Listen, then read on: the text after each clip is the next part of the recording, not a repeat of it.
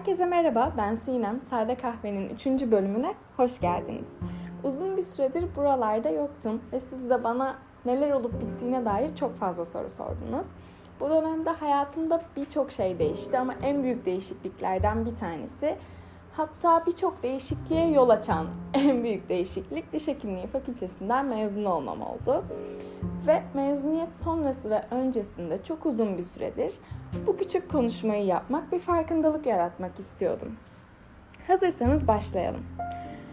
Biliyorsunuz ki bir kürsüde konuşmaya hak kazanan, başarılı diye nitelendirdiğimiz insanların birçoğu konuşmasına ailesine, akrabalarına, arkadaşlarına teşekkür ederek başlar veya bitirir. Tabii ki bu çok doğal. Çünkü benim de şu an bu noktada bulunmamı sağlayan ailem, arkadaşlarım, destekçilerim, zaman içerisinde manevi ve mesleki ailem haline gelmiş çok değerli insanlar var. Ve tabii ki ben de kalbimin en derinliklerinde o insanlara minnet duyuyorum. Ama bugün bu olaya çok farklı bir tarafından bakmak istiyorum. Ben hiçbir kürsü konuşması yapmadım ama çok hayalini kurdum. Sebebi ise beni dinleyen herkese şu soruyu sorabilmekti. Herkeslere teşekkür ederken küçük bir detayı unutmuyor musunuz sizce de? Kendinizi. Tüm bu yolu yürüyen, koşan, kuyuya düşen, zaman zaman sesini duyuramayan siz değil miydiniz? Ben değil miydim? Evet bendim. Zaman zaman motivasyonunuzu kaybettiniz. Kaygılandınız, incindiniz, çok yoruldunuz ama devam etmediniz mi? Etmedim mi? Ettim.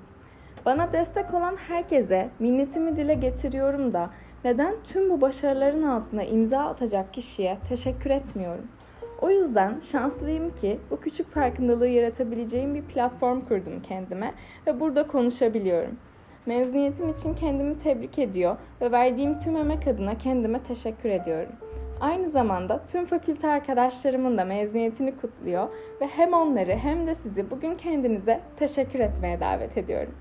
Hadi bu sabah uyandığınızda kendinize ikram ettiğiniz kahve için, bugün sulamayı unutmadığınız çiçeğiniz veya komşunuza verdiğiniz selam için teşekkür edin kendinize.